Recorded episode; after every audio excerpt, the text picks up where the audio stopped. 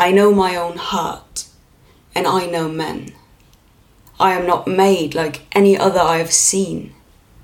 I dare believe myself to be different from any others who exist. Anne Lister's diaries, which would exceed 6,000 pages and over 5 million words, is one of the most important documents in lesbian history, even in British history, as noted by UNESCO in 2011.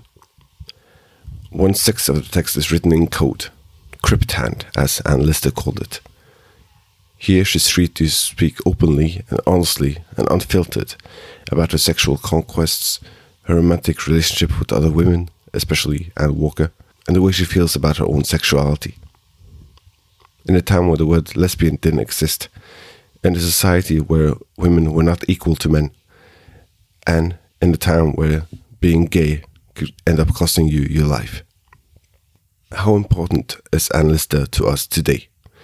What would she feel about her code now being broken? And if she were with us today, what would she feel about the collective picture we are painting of her as a lesbian woman? Those are just a few of the questions I'm trying to get answered during the course of this episode. You're listening to a podcast called Porträttpodden. My name is Mats Lasiangos, and I'll be the voice in your head for the next hour. In this episode, the real gentleman Jack, Anne Lister.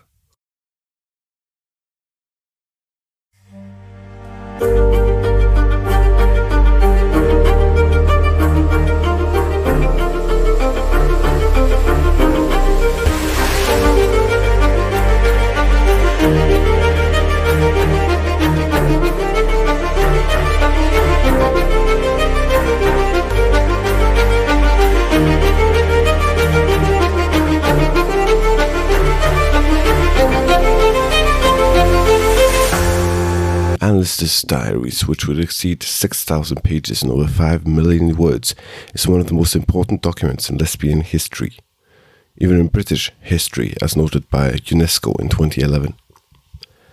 One sixth of the text is written in code, crypthand, as Anne Lister called it.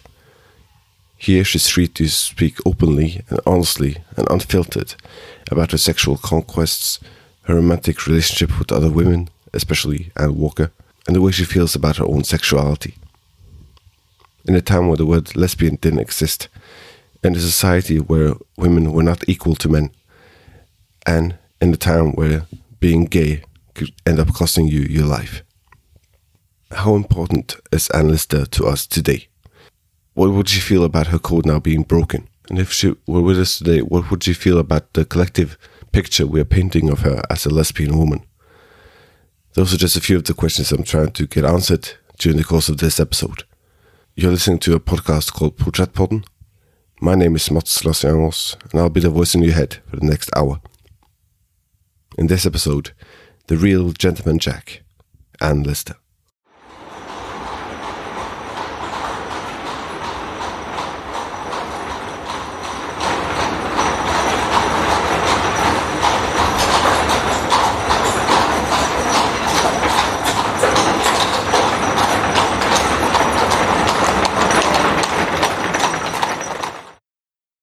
Confidence that she's given women today, um, especially lesbian women, to be themselves Yeah. is just remarkable. You know, I keep saying remarkable, just an amazing legacy to have. Angela Clare is curator at the Calderdale Museum Service in Yorkshire, and one of the houses that she cares for is Shibden Hall, Anne Lister's family home, which this year is 600 years old.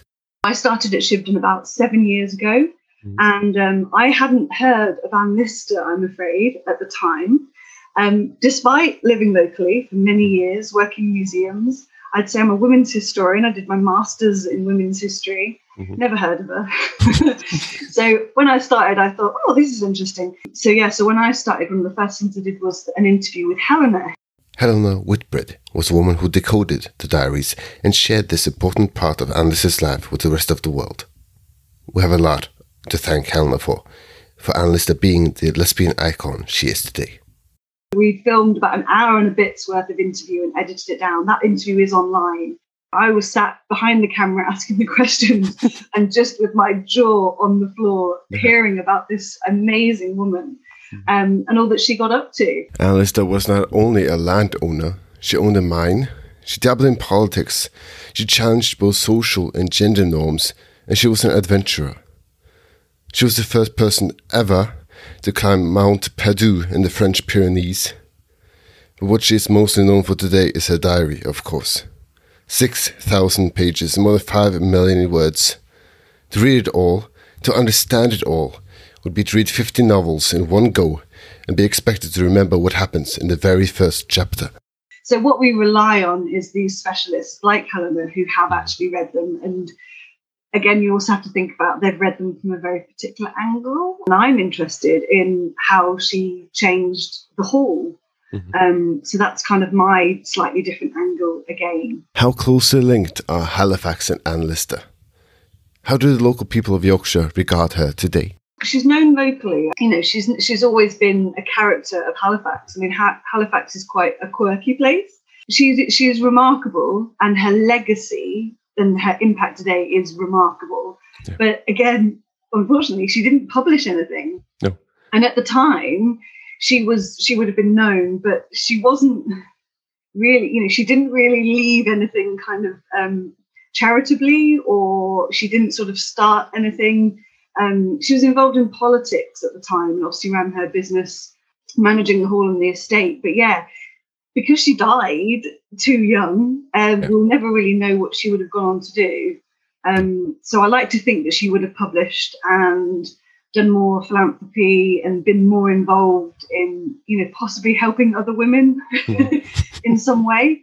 Um, whereas again, she was cut short. She was still just off traveling and living her own life. Mm-hmm. But had she lived again, I, I, really think she would have shared more of her travel journals and. Possibly done something with her diaries. Um, but we'll just never know, which is a shame. Um, so yeah, so she's known in certain spheres, and I think again, obviously, anybody studying diaries mm-hmm. and women's history, anybody studying um, landed gentry and women who mm-hmm. had estates and managed them, she's up there, but yeah. still within a very small circle, unfortunately. Mm. And then, um, and then, yeah, and then Gentleman Jack came along. So now everybody knows her. Yeah. However far away my sister goes, however long she's gone for, she always manages to become the topic of any given conversation. I didn't know Miss Lister was back. Oh, very much so, ma'am. Well, well, well. Miss Lister. Miss Walker. All she needs to do now is realize what she feels for me is love. I want you to be happy above all things. 2019 saw the series Gentleman Jack roll onto our screens on BBC in the UK and on HBO in the US. The series, created by Sally Wainwright and with Anne Lister played by the brilliant actress Suranne Jones, introduced a vastly greater audience to this fascinating and amazing woman. Roughly 6 million people watched every episode, and in the not too distant future we'll have series 2. But did you know that most of the scenes in the show is shot on location at Shibden Hall? Loads of it is filmed at Shibden Hall. Okay. So yeah, the only thing they couldn't film at Shibden Hall was her bedroom. Um, so that was the bit they built that they replicated it exactly in a studio down the road in Leeds. But everything else, so all of the hall, the exteriors, the parklands, all of it is actually at Shibden Hall, which is hmm. amazing. Yeah. It is true. It's on site and it's yeah. the original building and furniture. And, you know, when you see her striding through the barn, that's mm-hmm. The barn. Um, so I think it's wonderful for, especially the actors in it, especially Suranne. Yeah. You know, she's in the house. Mm-hmm where she lived. And I think that must be amazing to have that opportunity we visited the set of the bedroom in Leeds, and it was really it messed with your mind because you went through a, a plain wooden door, mm. and you're then in the corridor at Shibden, mm. and you walk along, and it's just oh, it was really weird. so um, so yeah, so other than the bedroom, everything that's Shibden is is Shibden. Yeah. Um, so yeah, that's really nice. And again, that's wonderful for the hall because mm. we're worried that they might reproduce it all somewhere else for ease of filming, okay. um, which kind of loses a bit of it, I think. Mm. Um, but because nearly every scene is filmed there in Shibden, then um, it means when you visit, you are on the film set as well. Yeah. So for the for the hall, it's brilliant because it means people can visit, and again, that will ensure its longevity as well. Mm-hmm. Um, whereas if it had all been filmed somewhere else and made to look a bit different, I don't think people would be as worried, not as worried, as keen perhaps to visit the actual location. Yeah. Or they'd be there going, oh, this is completely different to the film set. and then it's the question of which is true. Is Yeah. it the yeah, is the film set an interpretation or is it, you know, could Mm. that be more real than perhaps the hall? Because after Anne died, you've got two other entire families and generations living there Yeah. before it becomes a museum. So we can make guesses, and the diaries do give us information about the furniture and what things would have looked like. But some things we just don't know. No. And people didn't, you know, even in her intricate diaries, she didn't, unfortunately, she didn't leave us floor plans or like drawings of the rooms and what was in them. so, you know, for somebody so meticulous, it would have been nice if she could have done, you know, recorded exactly what was where and Yeah. things. but as the diaries are transcribed, we are finding out more. You know, the things are coming out that we didn't know, um, and um, so yeah, hopefully, you know, people share with us bits of information that we can include in the hall. Um, and again, references. Most of the furniture would have been there when Anne was there, but it would be nice to know for sure. We've got 600 years, so Mhm. it's it does it is eclectic, but we Yeah. we are currently the hall is mainly focused what it would have been like Mhm. that sort of period, sort of 1830s, 1840s. Still got horse-drawn carriages, but you've got trains coming in, you've Yeah. got canals, you've got industry, you've got steam power. Mhm. It's a super exciting period. Yeah. Um, so in a way, it is more relatable. Um, But then for women's history, it's still archaic 200 years ago yeah. with no rights. And again, and also for um, LGBTQ history, you know, it's almost like it didn't exist. It's so un- it's so unfair Mm. that again the assumptions and um, again the historians, unfortunately, were very much from the heterosexual male canon for a long time. But this is such an exciting time now Yeah. um, to be exploring these stories. And and like I say, and this has been known about locally for a long, long time. But unfortunately, you had the cloud of um, not being able to talk about homosexuality in this country. You know, legally, you couldn't talk about it in schools. No wonder it's been so hard for people to talk about these stories. No. And even women's history is so marginalized. Um, and we're still trying to find these examples. And that's where Anne is fab, because not only is she a woman, but she's also gay. Yeah. And I always say we like it that she's definitely gay. Mhm. Because often what you do is you you think, looking back at gay men and gay women, you, you we we're pretty certain they were, but we still are making assumptions. Yeah. And also we're imposing on them that they, you know, they may not have ever wanted anybody to know. Mhm. Um, whereas Anne Lister, we she's definitely gay because she's written all about it. Yeah. The- evidence is clear. but again, I still feel a bit guilty because she wasn't out in any sense of the word that we would be today. Um, so I dread to think what she's. but I hope that the flip side of that is, you know, we've had people turning up at the hall and coming out, Yeah. and it's just like amazing that people suddenly feel like they can.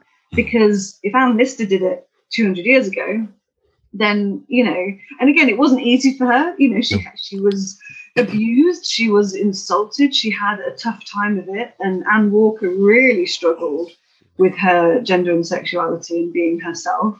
Mhm. Um, but they modelled on and they got to be together, which is just amazing. Yeah. Um, so yeah, so hopefully Anne Lister won't mind the fact that we shout about her. and I think you know there's a lot of facets to her, but I think her sexuality and her lesbianism is is is central. We all have that same desire, and 200 years ago it was so tough to be female, let alone queer. Working uh, at Shibden Hall and, and, and the success of, of uh, Gentleman Jack and thirst of knowledge for, for Anne Lister, do you feel a responsibility to, to uh, in want of a better phrase, uh, carry on the legacy of Anne Oh, totally. Yeah. Yeah. When I started, I like I say, the fact that I hadn't heard of her, I was kicking myself. Yeah. And um, and yeah, and again, you know, straight away we looked at the diaries, we shared, we did a new um, interactive thing so that we could share them more. Did the interview with Helena.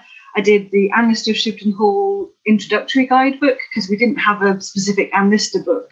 Okay. at the time. So we published that in 2019 Mhm. um, before the series came out. Again, just to kind of catalogue what we had and what we knew. And um, yeah, and there's like we did Anne events. We did a conference back in 2014 about Lister. So yeah, you feel the responsibility to share these stories and as truthfully as you can. And with Anne there was a lot of myths and legends around. and now there's a whole new bunch of myths and legends, which again you have to be careful about. And because, as I say, there's so few people that have really read the diaries, Mhm. um, you know, you do have to check a lot. But yeah, the responsibility is there. And again, it's also that responsibility for the truth of it. And also, you know, reminded that we have so little of Anne's possessions. Mhm. Whilst the diaries are so vast, we've only got half a dozen things that were actually hers. Um, people didn't keep possessions, especially not clothing and things like we do today. Um, and all her library was sold off and has disappeared. Um, but what we do have is the hall. Um, and although it's probably changed a little bit since she was there, a lot of her legacy to me is kind of wrapped up in that building and those rooms that she lived in. Anne Lister became sole owner of Shibden Hall after the death of her aunt. She commissioned York architect John Harper and landscape gardener Samuel Gray in 1830 to make extensive improvements to the house and grounds. A Gothic tower was added to the building for use as a library, and the major features of the park created, including terraced gardens, rock gardens, cascades, and a boating lake. After Lister's death in 1840 in the Caucasus, the estate passed to her partner Anne Walker, who died in 1854. Possession then returned to the Lister family, who donated it to the Halifax Council in 1933, which in the next year opened it as a museum. There's very different assets to it. And I think with, with Halifax, um, you know, the whole town is kind of part of her life and things that she explains and explores. Um, and uh, and yeah, and the whole, you know, the big features of it, you know, the lake, she built that. Yeah. Um, and the gatehouse, that was her. The two wings, that was her. Mhm. You know, she's the big Lister carved lion that you see, you know, that was her. Mhm. You know, she really did make a difference on the whole. And once you realize how much of it is hers, it's very easy to see it. it's her home, it's what she did, and her legacy. If she'd have lived and published and done more, she probably would have transformed it and made it twice the size Yeah. And so it would have been epic. So it's kind of sad in a way, um, but at least we've still got it captured because at any time during the last hundred odd years that it's been a museum, it could have folded, could have been handed over, could have become a pub or a hotel, Mhm. um, and then it just wouldn't really have been the same. No. You know, she may have just been lost as a bit of a local legend. There was some woman that lived at Shibden at some point. It just takes a few different things to have happened, like the last resident leaving it as a museum. It's interesting how it's the stories all sort of panned out, and then there was me trying to do what I can with very little time and budget, um, and I was giving talks at different conferences and kind of events and trying to sort of shout about her. And then and then the next thing you know sally wainwright's in the kitchen at shibden saying she's going to do a tv series. Not only did Sally Wainwright enjoy great success with her show Gentleman Jack, but in 2019 the novel The Moss House was released, a fictitious retelling of Anne Lister's life written by Clara Barley, real name Angela Clare. And though I've sadly not had the opportunity to read the entire novel, the parts I've read are amazing. And the portrayal of the relationship between Anne Lister and Anne Walker, whoo, it's intense. Just listen to this one review. Damn, Clara Barley did not hold back. Historical romance with all the tags. It's not PG. that was my way of sharing an amazingly vast story but getting it out there to people because you know I, I thought well i can either leave this job and spend four six years doing a phd but then write a very academic kind of account of a certain aspect of a personality. Or i can take all the really juicy details and write a novel which is what i did and again it's another way in for a lot of people that people who are reading it that have watched the tv series but also people are just you know that aren't necessarily interested in the tv series but love a good you know a page turning novel and Mm. coming at it from that direction. But it's just hooking people and i think the hook um, for a lot of people, especially for lesbian women, is just you know the fact that she was gay 200 years ago Yeah. and had relationships, and you know it's really tragic, unfortunately. Mhm. But you know had that confidence to dress a bit differently and be herself.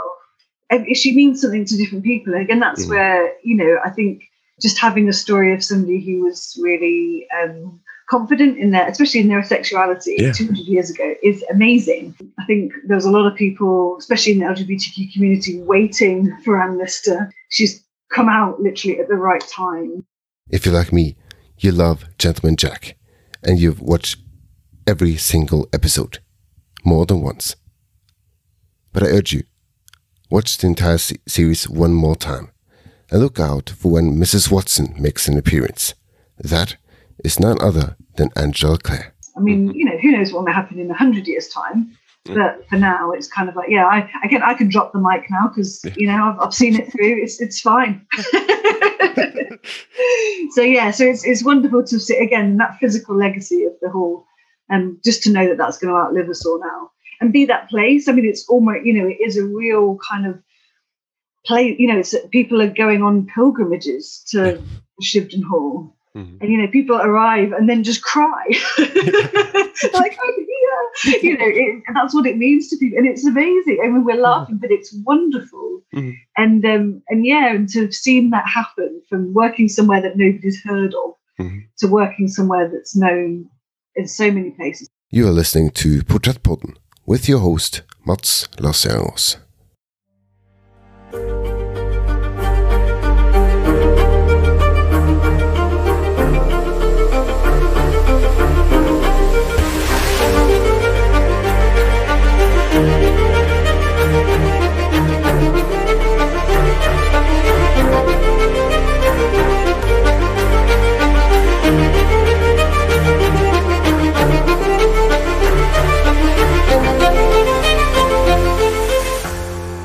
This episode, all about the fascinating life of Anne Lister, is part of a podcast called Porträttpodden.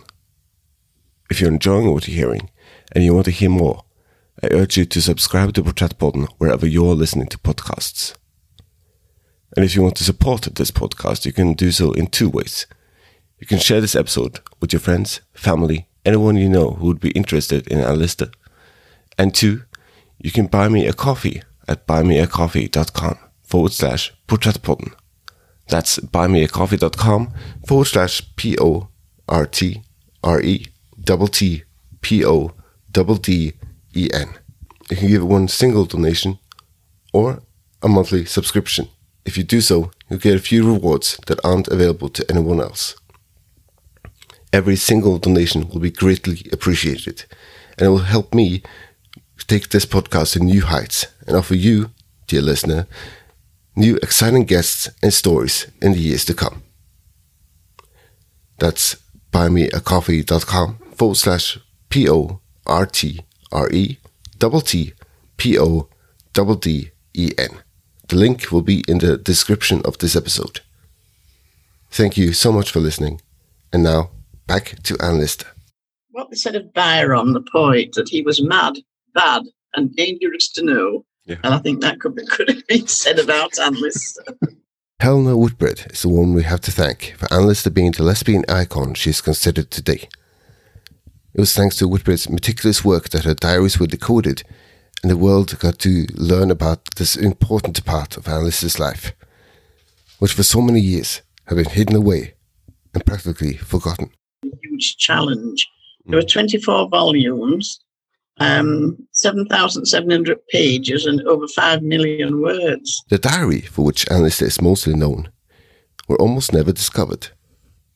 She had hid them in a panel in the wall, and it wasn't until the 1930s that a descendant from Lister found them and had parts of it decoded. Realizing what these diaries entailed, and fearing a scandal, he hid them again. And it wasn't until the 80s that Helena Whitbread started the meticulous work of decoding the entire diary. They weren't all in code, of course. Um, but then she had what she called her plain hand that she wrote the journals in as we would in our normal, um, you know, uh, language, etc. But she also had the crypt hand, as she called it. So there were two forms of text. There was the plain hand and the crypt hand. It's in the crypt hand section, the coded portions of this diary, where Anne Lister is free to talk openly about her emotions and her longings, her attraction towards other women, her sexual conquests, her love of Anne Walker, and more. This coded section makes up roughly one sixth of the entire diary. And the code is a combination of algebra and the Greek alphabet. One extra layer to this code is that she often uses metaphors and euphemisms to describe what she really thinks and feels. Mm-hmm. And, and then there were abbreviations. She abbreviated nearly every other word in the plain hand. And um, there were symbols in the in the journal meaning different things. My cousin came, but she meant that it was her monthly period, you know, menstruation. Ah, okay. So, and at first I thought, well, she hasn't got any cousins. Mm. But then I began to realise that she was talking about her monthly cycle. Uh, she might say, I'm going to my uncle. And that's what you call the toilet, you know, going to the toilet. Mm. just going to my uncle. She used the word kiss indicate that she had a sexual um, experience with another woman, that she meant um, intimacy and um, obviously orgasm, yeah, and um, incurring a cross, and that would mean uh, a little sign in the in the in the in the margin incurred a cross, and that was masturbation, and she was on her own, yeah. Mm-hmm. going to Italy was her phrase for having full sexual um, uh, experience with a woman. Hmm. you can see what I was into when I was trying to fathom out all these things. What are these signs? What are these symbols? What are these euphemisms? Mm-hmm. You know, as well as as well as decoding all, all the coded passages. It mm-hmm. took me five years uh, to get through the journals. Um, thankfully, um, a lot of it dropped off later in life when she became a businesswoman. She was into you know, uh, build, building coal mines and Montague and so uh, a lot of the mystery had gone out of it by then. Um, so um, yeah, so at the end of five years, I had enough material for the two books. Mm-hmm. I, I, know my own heart and um, no priest but love. It's fascinating to think about that this whole story started with Helena wanting to write a paper about Anne Lister's letters what she discovered would change the world. Gradually, by painstakingly decoding each and every word of Anne's crypt hand, Helena discovered the truth of Anne's lesbian sexuality, as well as Anne's views on men, money, business, and the society in which she lived. Anne, it turned out, captured in her diaries a journey of self discovery and self definition that was previously unheard of for a woman of her time. The word lesbian did not exist, Therefore, she was left to introspect and come to terms with her identity, which she did in a most impressive way. Helena quickly realized that this story was important. By publishing the first volume of Anne's journals in 1988, then entitled I Know My Own Heart, Helena Whitbread made lesbian history. Such detailed and candid expression of lesbian love and sex that took place over 200 years ago was an absolute revelation. The lesbian world owes a great deal to Helena Whitbread for her ongoing committed study of the life and diaries of Anne Lister. Do we know uh, why she she started writing in code? So, uh, what was the reason why why she uh, felt that she had to had to hide uh, certain parts of her stories? Well, of course, um, lesbianism wasn't known uh, in in those days. wasn't wasn't spoken about. But you know, I mean, I, I really don't feel she could have written about it, you know, in in in her own, without disguising it in some way. Um, why did she do? You know, why did she feel she had to um, record every love affair, every act, every sexual act? She wasn't only secretive about sex; she was secretive about her clothes. She was secretive about her money. She would put all that in in um, in code and and also if she was um, saying something you know quite nasty about people she would put that in code as well so anything she wanted to hide at all uh, would go into the code um, i think it was i don't know um, why, why would we write in code, really? Obviously, because we had something to hide. Mm. And that's what she had to hide her sexuality, basically. Yeah. Um, even though she lived um, uh, her outward life, um, she she had what we call um, uh, overt signs, uh, Mm. outward signs that look, I'm not like other women. I love and only love the fairer sex, and thus beloved by them in turn. My heart revolts from any other love than theirs. It was obvious that she was a lesbian, um, but but more surprisingly, she managed to live her life as a lesbian in an era when uh, there was no recognition of lesbianism or any support structures or any, you know, um, I mean, today it's, it's much more, um, uh, what shall I say, you can find your own community today, can't you? Mm. And she did very well, but it was on a one by one basis. Yeah. She would have a series of lovers. Yeah. it's surprising how many people fell for her, you know. Mhm. Yeah. Even though perhaps they may, they may not have been lesbian themselves, Mhm. um, she would seduce them. Yes. Why not? Right.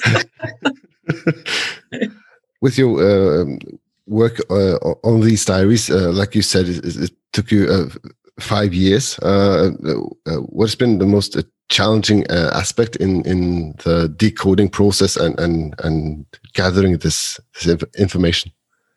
Well, well, as, as I say, um, the, the, challenges lay in what I've said about the pages, how how Mm. how, how much there were, how much there was to go through.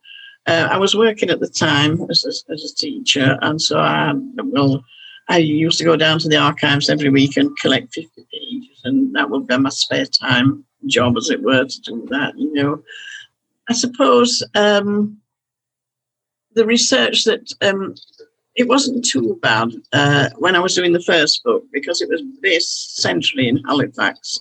Mm. But when I got to the second book, I had to travel to Paris, you know, to research there, Mm. and uh, I have difficulty with the language. Yeah. So um, I, I took a friend with me who'd been brought up in Paris. She was a French woman. So um, I, I suppose the challenging bit was traveling around to all the different places.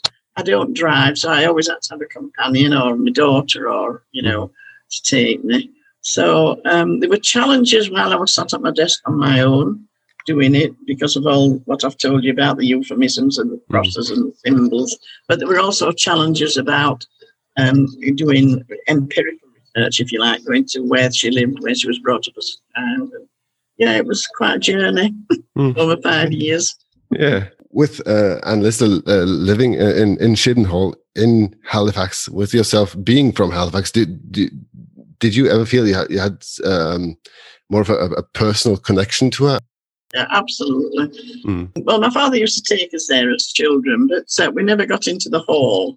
And I didn't know about Anne Lister as a child. Mm. And then as I grew up, I realised that the Lister family was sort of uh, very important in the history of the town. I'd been born and brought up in Halifax. So every street that I'd walked on, Anne Lister had walked on. Yeah. Well, you know, when you come from a small town uh, and as you grow up in it, you feel it's dull Mhm. and you know boring and you want to go away. But once I found Anne Lister, the town changed for me. It became very romantic because Mhm. you know Anne Lister had walked up this street, or Anne Lister had visited that house, and suddenly the whole atmosphere and the whole aura of my own hometown changed completely for me. Yeah. So that was that, that was quite an experience. Mhm. I'd Mhm. imagine learning about uh, um, historical uh, figures who who might be shrouded in, in mystery. Let, uh, let's say, uh, what has been the biggest uh, misconception that, that you've had to uh, debunk? I, th- I think the biggest myth or misconception about um, that I had to debunk was that uh, the demonization of Anne Lister. You know, Mm. people demonized her as a sort of a predatory lesbian who destroyed the lives of the women she seduced. Mm. Uh, they thought um, that the mothers of young daughters in Halifax would just say, "Oh, it's no great thing to be seen with Miss Lister. You know, you must keep away from Miss Lister." Uh, because of course older generations had sussed her out. that Mhm. the young girls would be flattered. The difficulty was that because the, t- the, the families was the family of the Lister family was so high ranking in the town, Mm. it was considered a compliment if Miss Lister called on you. You see, Yeah. but not so much of a compliment if she'd come to your doors. hmm So, um, yeah. So then, of course, um, after her death, um, there was absolutely no knowledge of her as a lesbian. Mhm. And it's only um, when the last lister that lived at Shibden Hall, when he and Arthur, his friend Arthur Burrell, uh, found the key to the code, and when they uh, unlocked it and read what, what she'd written, they were horrified. Mhm. And Arthur Burrell said, We've got to burn the journals. But luckily for us, John Lister was an antiquarian. And he said, No. He said, It's um, this is a, a, a, a valuable document. But he hid it behind some holes in the wall. And after his death, um, Shibden Hall was given over to the Halifax Council.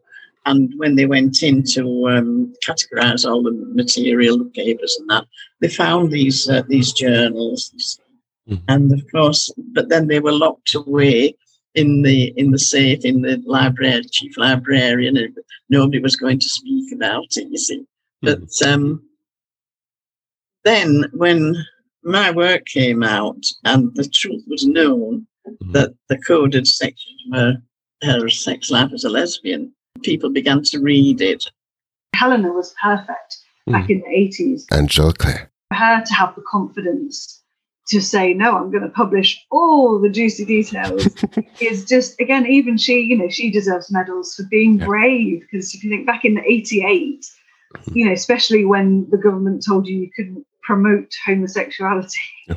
and there she is publishing a book all Mm. about it. a lot of people said that she was predatory, you know, she preyed on women, that sort of thing. But the point is, she did. She didn't really. You know, they were all they were all intrigued by her, and and yeah, okay, she fell into bed with her, but um, she she said she never forced anyone or anything like that. But because her first lover, Eliza Raine, was eventually uh, eventually went went um, mad, shall we say, for that want of a better word. She had terrific emotional problems and mental problems, so she was classed as a lunatic. And of course, then her last lover, Anne Walker, also, well, the, the myths arise, you see, that oh, Anne Lister has these women and they all end up in, in lunatic asylums. So so that it was that really that, that uh, what they said of Byron, the poet, that he was mad, bad, and dangerous to know. Yeah. And I think that could be, could have been said about Anne Lister. What does it then mean for, for, uh, for a town like Halifax to have such a such an icon? um, it's it's wonderful, but it also amuses me, Mm. you know, because uh, oh, at one time you hadn't to mention a name, you know, nobody had to know. Um, the the uh, journals were kept under lock and only a certain group of people in Halifax, you know, like the librarians or the Halifax Antiquarian Society. But I don't think even many of the Halifax Antiquarian Society would know what was in the code. Mhm. Um, so uh, when my first book came out, that there was an enormous amount of interest. Thankfully, none of it, none of it hostile, Yeah. because um, I thought that that somehow or other that I was, um, I would be accused of blemishing this family. You know what I mean? Yeah. Sort of, it's a skeleton in the cupboard, if you like, as we say. I don't know whether you have a similar phrase Yeah. when somebody's got a big secret that they don't want anyone to know. Mhm. And I'd unlocked the cupboard, you know, brought her out of it. And um, I always remember that uh, uh, the, the, the, the year my book came out, 1988, my first book, there was um, a clause 28 passed by the government.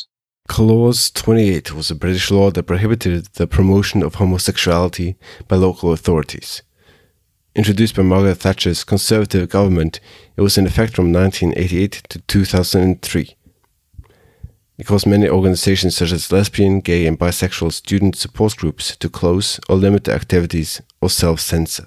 And here was I as a teacher in a Catholic school uh, bringing out a book on lesbian sexuality. You see, so I thought I'd better go and see my headmaster. before, he, before he booted me out. um, but I said to him, look, um, I'm afraid that there's a book coming out this week that I've written, and um, it's about lesbian sexuality. And in the view of clause 28, I can see it would be difficult for you. As, and he said that he was very, very good. And he just said, if you have any, if you have any trouble with parents, but staff or students, send them to me. You know. So I thought, oh, and then just like that, and then gave him a copy, of course. Mm-hmm. and then he said to me later, he said, You've lit a slow fuse with this book. Mm-hmm. And I thought, what, what do you mean? But now, slow fuse is like a big bonfire now, but yeah. it's taken 40 years nearly. Looking at the the um, Gentleman Jack series and and the the, the vast pop popularity of, of Anne Lister in in recent years, um, uh, do you ever think back and and and say, oh, what if I didn't uh, decide to to write that research paper? What what then? Yes, I don't think all this would have happened. No, I really don't. No, no. I mean, those journals have been laid there in the archives for 150 years, something mm. like that, and nobody's really given them a thought. You know, so who else would have done it? I wonder. Mm tend to be for my curiosity. Well, not my curiosity, my desire to write something about a local person. I mean, there were parts of her letters had been published in the in the in the in the Halifax Courier, the, the newspaper. But just the letters, and it would be about the politics of the town or something like that. Any mm-hmm. comments she had to make, you know, or the social side.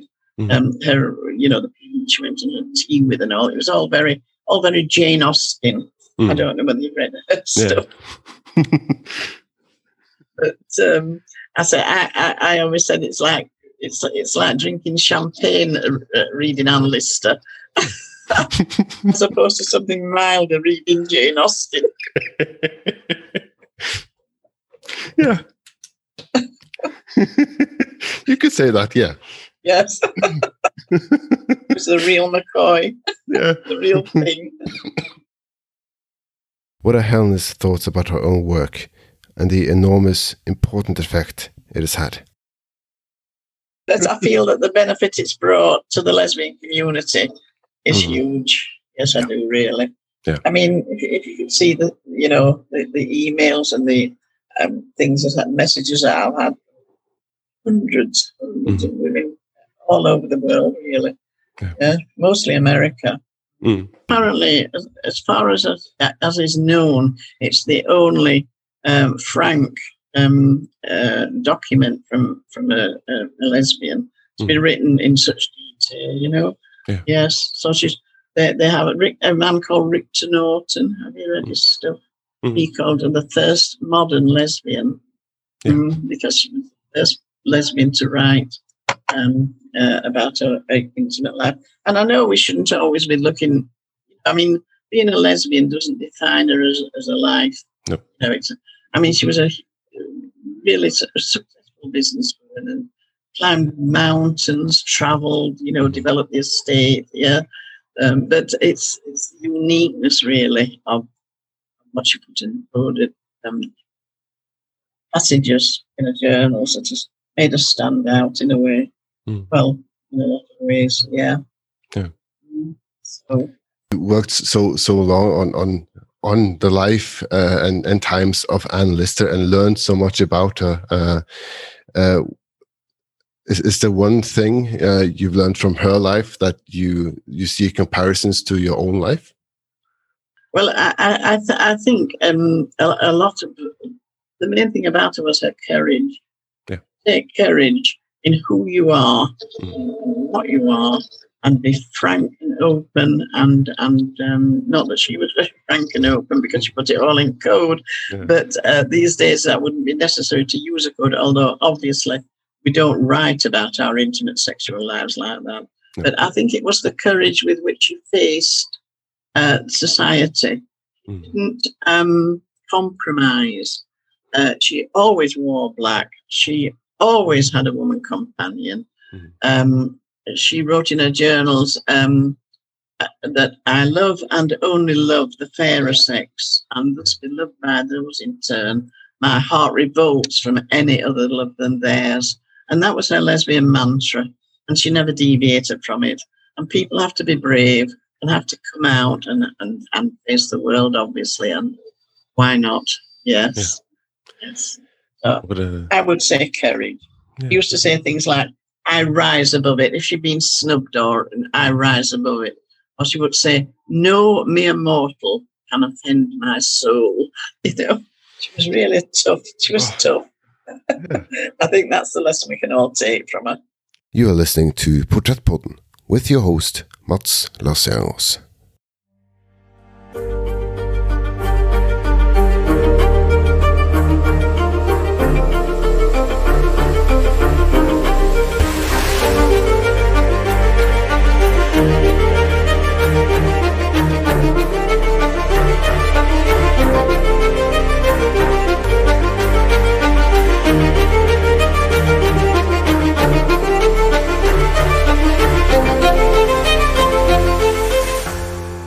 Laserros. Towards the end of Anne Lister's life, her and Anne Walker travel to Northern Europe. The plan is to go to Russia, but before they get that far, they travel to Norway. In this section of this podcast, I've interviewed Norwegian artist Henriette Stensland. This interview, originally in Norwegian, has been translated into English for the purpose of this podcast. Det er jo, det er jo latin, dette fabelen. It's Latin, of course. So Anne Lister would know exactly what we were talking about, this uh, De fabula narrator. But I can translate it for you. It means, of you, the story is told, or this story applies to you.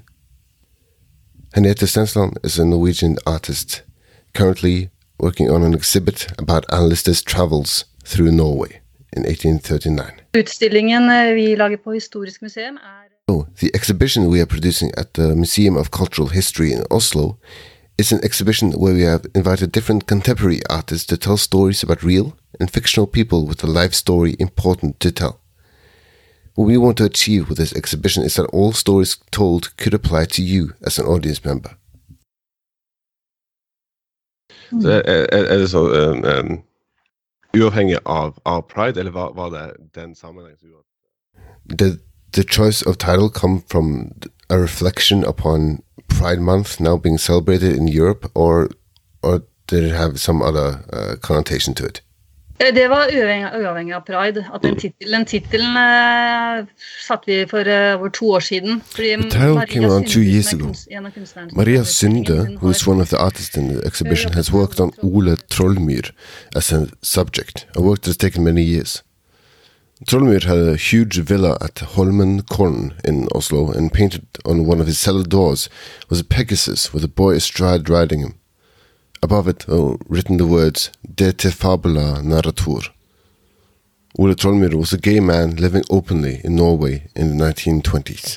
Du tar da uh, ho- for, uh, for deg uh, en, en liste. Vi skal, skal selvfølgelig også komme, komme litt nærmere inn på så ditt, ditt If we may, og- let us dive deeper into your work now. Men, men What is it about Anne Lister that inspires you as an artist? Nei, hun som person fascinerer Lister meg as a person fascinates me greatly. fordi hun The stories about her, her story. The fact that we are able to dive deep into her diaries and writing.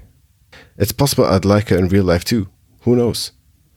Interpretation of text always paints different pictures of the people writing. What I like most about her is that she is so informative about what a woman at that time was able to achieve. Girls weren't given proper education, so she was self taught. She traveled all the way to France to educate herself. Her thirst for knowledge and her drive is truly fascinating. And so clearly gay. She's a new lesbian role model. There were older gay men who probably were more present, like Oscar Wilde, one could draw comparisons to, yet we haven't had a distinct woman to latch onto, to to draw parallels from her to us. I recognize a lot of Alice's life in my own as a lesbian woman. A lot of thoughts about women marrying men. It happens today too. I came out in the late 80s and still wasn't as easy to be a lesbian. Skal jeg ikke nødvendigvis tvinge deg til, å- så veldig mye om, om, om, om ditt, ditt eget privatliv. Det skal du få lov I won't go too far into your personal life. I'll let you keep that to yourself. Uh, but as a lesbian woman working on a creative piece about another about another important lesbian woman, do you find yourself being more personal in this work than you would in another context when where you didn't have that connection, as you say?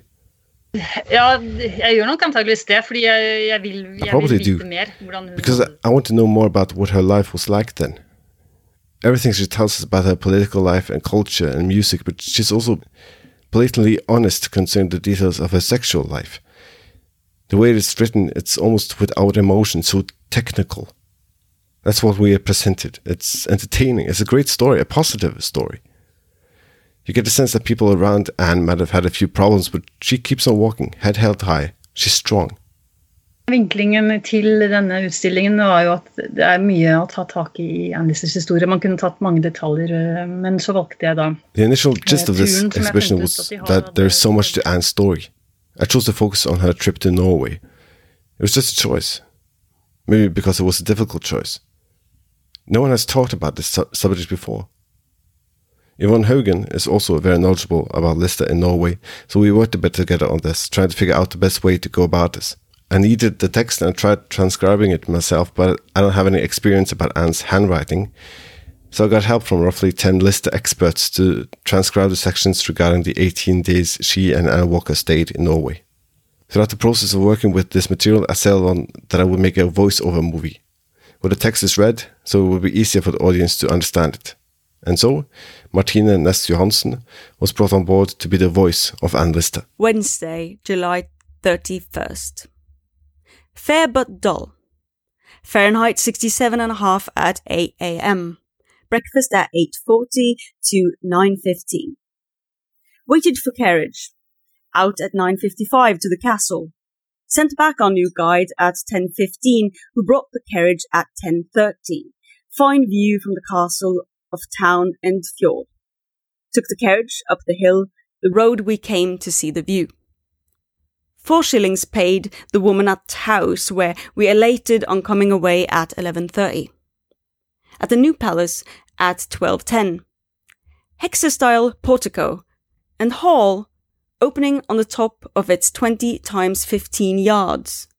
Handsome room at the back of the staircase, columned.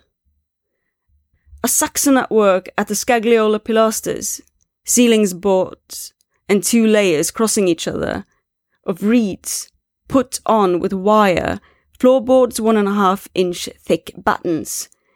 Gave at the palace gate four shillings. Came away at 1.20 at the Botanic Garden at 1.40. Anne and I had coffee at 10. Fine day, but heavy showers at 3.45 for 20 minutes. Da har vi, Hun er veldig god på de norske uttalelsene av ordene. Jeg håper Ann også Well, she's got Norwegian prøver å lære pronunciation down, of course. It's better to listen to the text and reading it as opposed to just having the text in front of you. And as a further element, I wanted to bring illustrations into it. I found sketches done by artists traveling through Norway in Lister's time, so 1830s, 1840s, that will illustrate the sound and text in this movie. Lister tells us listeners about what it was like in Norway. You get a small history class from Anne Lister when she visits us. Friday, August 2nd. Fine but dullish. Fahrenheit 66.5 at 9 am. Breakfast over in half an hour, 10.50. Writing to Lady Stuart de Rothesay till out at 11. At the Musée des Northern Antiques from 11.10 to 12.55, home at 1. The musée is small, but the professor of history and antiquities himself showed us the things and was very civil and spoke so well and slowly I understood a fourth of what he said by means of a few words of Latin now and then. Hva er det Anne Lister What's the most important mest to på Lister during her stay? Is anything different? Jeg vet ikke om hun opplever ting som annerledes noen gang. Jeg tror hun er I veldig don't know opptatt av if det hun she ser i nuet. sees it as different in any sense. She's busy being present in the moment and absorbing all the impulses. It's like she's downloading the information. She doesn't reflect too much. Trees are important to her, how they're different from the trees back home. She visits the botanical gardens and recalls all the Latin names of the various plants. She's gaining knowledge about Norway whilst in Norway. She's interested in visiting the classical tourist destinations. She's interested in visiting the classical tourist destinations, looking for the best lookout spots and mountains. She aims to get to Bolkesjø to see the mountain Gaustatoppen. Gausta not visible all day. Fair since noon and even fine from about 2 pm, but still, Gausta is hid in clouds and mist. Determined that dinner to stay here till 3 am tomorrow and then go to the mountains, or home again according to the weather, having sent a forbud towards the mountains. For if we do not go, we have only half to pay for the three horses for ourselves and one for the forbud. This now 6:45, just as I have written so far, sat inking over Monday, Tuesday and Wednesday last, till now 8:45. Rainy day till afterwards fair and fine evening. På veien dit så, eh, så opplever hun hele tiden Hun forklarer hele tiden hvor hun er og hvordan det ser ut der. On the way there, she explains what she sees and how things are here, how the people around her are. She has a Norwegian guide with her. She describes her interaction with him and his family. She's obviously concerned about the people around her. She tells us that we Norwegians drink a lot. That hasn't changed much. She also observes what Anne Walker does. We get a sense that Anne Walker is present and drawing the beautiful surroundings. It would be great to somehow get a hold of those drawings. I don't know how far along we are that process. Dette her er jo en del av en reise som skulle ta to år, og It's part of a er journey that will last two years, with the final destination being Russia. They were probably supposed to stay longer in Norway. I was told by one of the guys at Shibden Hall when I went to visit that the timber used to build the hall supposedly came from Bergen in Norway. Lister is a savvy businesswoman, so maybe she's interested in knowing more about where her raw materials came from, to see it for herself. She places an ad in the local newspaper asking for a guide willing to take them further north. But because of the extremely poor weather, they are forced to travel back home earlier than expected. They do intend to visit Norway again, but not before next year, as she says. Jeg kaller meg jo sånn um, hobby-serendipity-forsker. Serendipity-forsker. I'm sort of a serendipity researcher. You go deep into the matter and you keep discovering new things. I, for example, read that she visited the Museum of History, the same location where this exhibit will take place, in Oslo, or Christiania, as it was known then. It's exciting. She mentions coming across an intriguing Icelandic calendar, a sort of formula precisely dating from the 1700s to 2050, which day Easter Monday would be each year. And that is a very specific and analyst thing to be interested in. And that is something the audience will be able to take a look at. Experiencing the historic Norway through Anne Lister's eyes is very interesting, but I also have a tactile document to build upon that experience. She once placed a piece in the paper column for anyone who might have found her missing ring, her uncle's mourning ring. She goes to the police. She even offers a five specie reward for anyone finding it, which was a lot of money at that time. Wednesday, August 7th. Found on going to bed last night that I had lost my pincushion with the mourning ring from my uncle pinned on it. Think to go back to Drammen for it. Fine but dullish morning, Fahrenheit 68 degrees. Hun fi- fikk dessverre aldri mulighet til å komme tilbake til With the exhibit being Norge, in the uh, Museum of Cultural History, and with Lister Sally never being able to return to Norway, do you get the sense that Lister has now come back? Det, det det. Hun kommer her. Jeg føler egentlig at hun er for første gang. men, eh, Oh, absolutely. Det er, eh, Now others can take part in the joy that ja, I've men had. Nå får- You, you're proud. She's been here. And that's the beauty of the amount of detail in her diaries. People can recognize the places she mentions and trace her steps in a way. Oh, I'm from Yellowbeck or Drammen. That's my hometown. She's been there. Maybe she was standing right here. That, to me, is important. Og en annen ting jeg vil si I forbindelse med det, så vil jeg tro at hvis hun I also think that if she hadn't died in 1840, we would maybe never ha- have had the diaries. The photograph came in 40 or 41, and all of a sudden there was a whole new way to document important events. It's possible that she would have destroyed the diaries had she lived longer.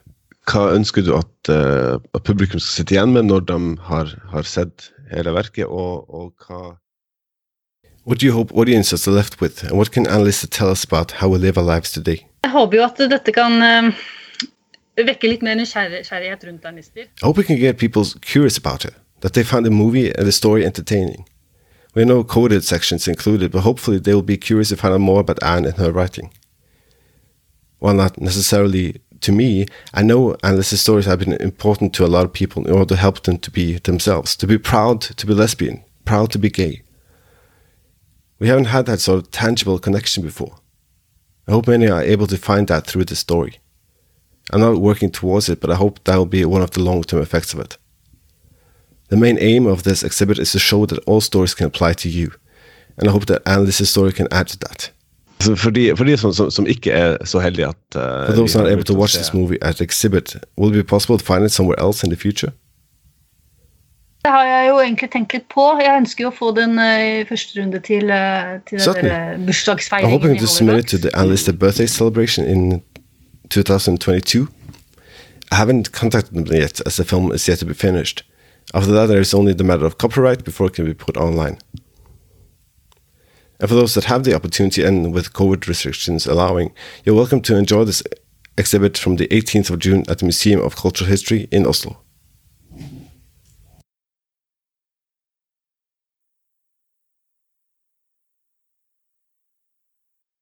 So, what is the legacy of Anne Lister? While traveling to Georgia with Anne Walker, she caught a fever which ended up costing her her life, dying on the 22nd of September 1840, only 49 years old. It is important to note that one's sexuality does not define a person, yet her challenging of social and gender norms, and her vast journal detailing not only her lesbianism, but everyday life in Yorkshire, is an amazing inheritance she's given us. Who knows what could have happened if she were able to be open in her own time? How would history have remembered her then? And does the fact that such a big and important part of her life was hidden behind this intricate code make it more intriguing and interesting? If there is anything we can conclude, it is that the life of Anne Lister has had a great impact on generations of lesbians, gays, to anyone feeling like an outsider looking in. While writing these lasting words, could you imagine how important they would become? One thing is for certain we are luckier to have them. We are lucky to have women like Helena Whitbread, who broke the code and brought this important part of Lister's life to the collective consciousness. We are lucky to have women like Angela Clare, whose caring work makes sure that further generations, literally, are able to walk in Lister's footsteps at Shibden Hall. We are lucky to have women like Henriette Stensdal, who brings an interesting new aspect to Lister's travels and brings her closer to us here in Norway. We are lucky to have women like Sally Wainwright and Suranne Jones, who through Gentleman Jack brings Anne Lister to millions of new eyes and ears and make sure that this amazing woman is never forgotten. So, if Anne Lister was still with us today, what would they tell her? It's more that I would like to tell her what she's done for people, I suppose. As, that sounds like it's kind of the reversal. So, yeah, there'd be loads, I'd have a billion questions for her, but I think I would want her to know what she means to people today. I think it would be important to let her know that um, what she's actually created, which is uh, kind of like a safe space for people to come out and you know shout about somebody. You know she's a lesbian icon and that's just me i mean we've got a lot now modern day surviving and over the last sort of century or so.